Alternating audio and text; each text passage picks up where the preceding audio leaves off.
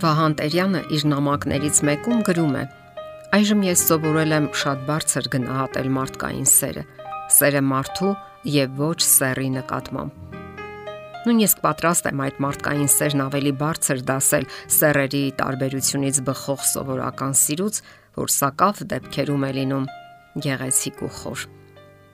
Դեպքը, որ պետք է պատմեմ, տեղի է ունեցել Հյուսիսային Կարոլինայում։ Մի ագարակատեր իր կարկով քաղաք էր գնում։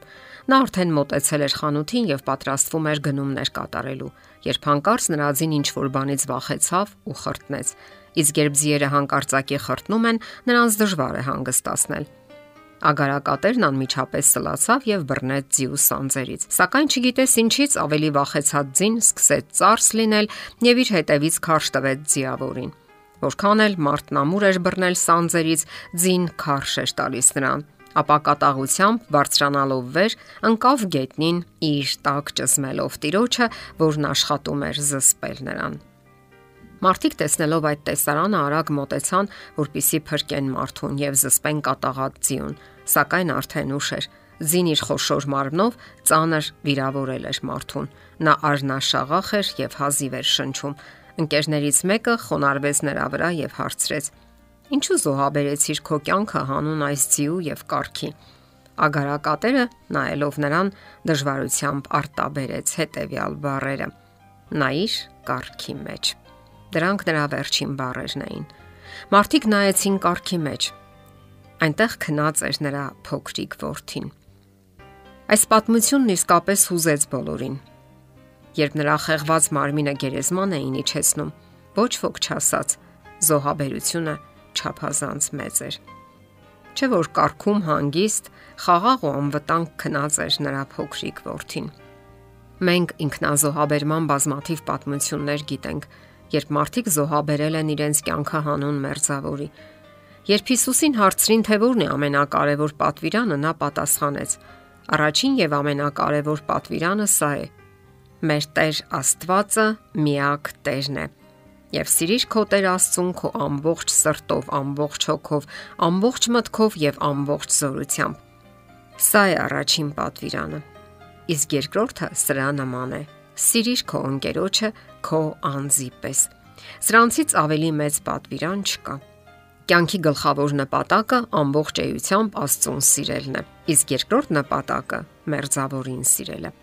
Այլ կերպ ասած, մարդը ստեղծվել է սիրելու եւ սիրվելու համար։ Այդ բնական պահանջն է մարդու բոլոր գործողությունների հիմքում։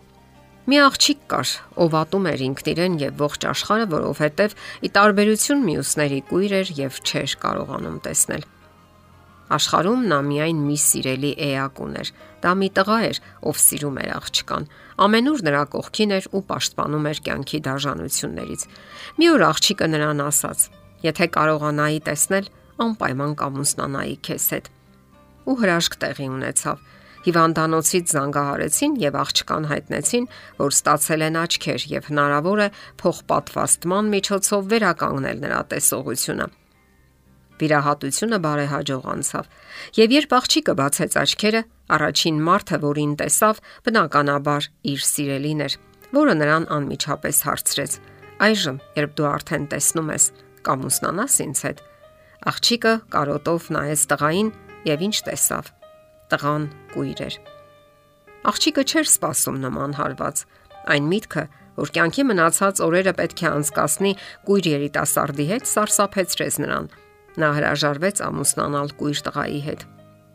Երիտասարդ սիրահարը արցունքն աչքերին հեռացավ։ Օրեր անցան եւ աղջիկը մի երկտող ստացավ։ Տղան գրում էր. Սիրելիս, խնդրում եմ, հոգ տար աչքերիդ, քանի որ քոնը լինելուց առաջ դրանք ինձ էին պատկանում։ Իհարկե, սա գուցե ավանդություն է, գուցե հորինված պատմություն, ինչևէ, ինչ որ բան ասում եմ ես, թե ինչից է կազմված մեր կյանքը եւ ինչին ենք ձգտում մենք։ Հիսուսը պարզաբանում է, որ սերը միայն ջերմ զգացմունք չէ եւ ոչ էլ հորմոնների առաջ բերած մղում։ Սերը հաստատուն համարցակ որոշում է, բարեկեցիկ դարձնելու մերձավորի կյանքը, հոգալու նրա մասին սեփական անձի պես։ Մենք ունենք նման սիրո կատարյալ օրինակ։ Այդ օրինակը Աստված է տվել։ երբ մարդը մեղք գործեց, հեռացավ Աստծուց եւ զրկվեց հավերժական կյանքից։ Իսկ ինչ արեց Աստված։ Այդ մասին կարդում ենք, որովհետև Աստված այնպես սիրեց աշխարը, որ իր միածին որդուն տվեց, որ ամեն նրան հավատացողը չկորչի, այլ հավիտենական կյանք ունենա։ Անսահման ծանր էր հայր Աստծո համար ճշնամական աշխարհ ուղարկել որդուն, որդու համար էլ ծանր ու տարապալից էր այդ անznազող արարքը։ Աստված կարող էր լուծել մեղքի հիմնախնդիրը ճակատագրիքը մահաճույքին թողնելով մարդկությանը կամ պարզապես մարդկանց ոչնչացնել։ Դա իհարկե հեշտ կլիներ, սակայն Աստված այնքան մեծ սիրով սիրեց մեզ, որ որոշեց զոհաբերել իրեն մեզ փրկելու համար։ Խաչելության նախորդ գիշերը Հիսուսն իր աշակերտներին ասաց. Սա է իմ պատվիրանը, որ իրար սիրեք, ինչպես որ ես ձեզ սիրեցի։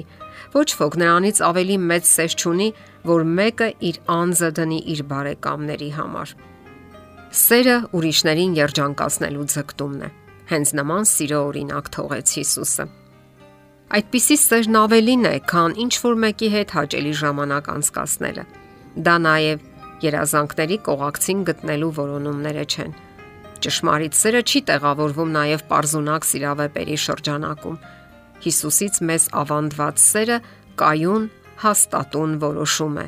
ուրիշին երջանկացնելու կամային քայլ։ Մեր օրերի համար կարելի է վստահաբար ասել, որ հասարակությունն այնքան էլ կողմնորոշված չէ դեպի անznազողությունը, անանձնական սերը։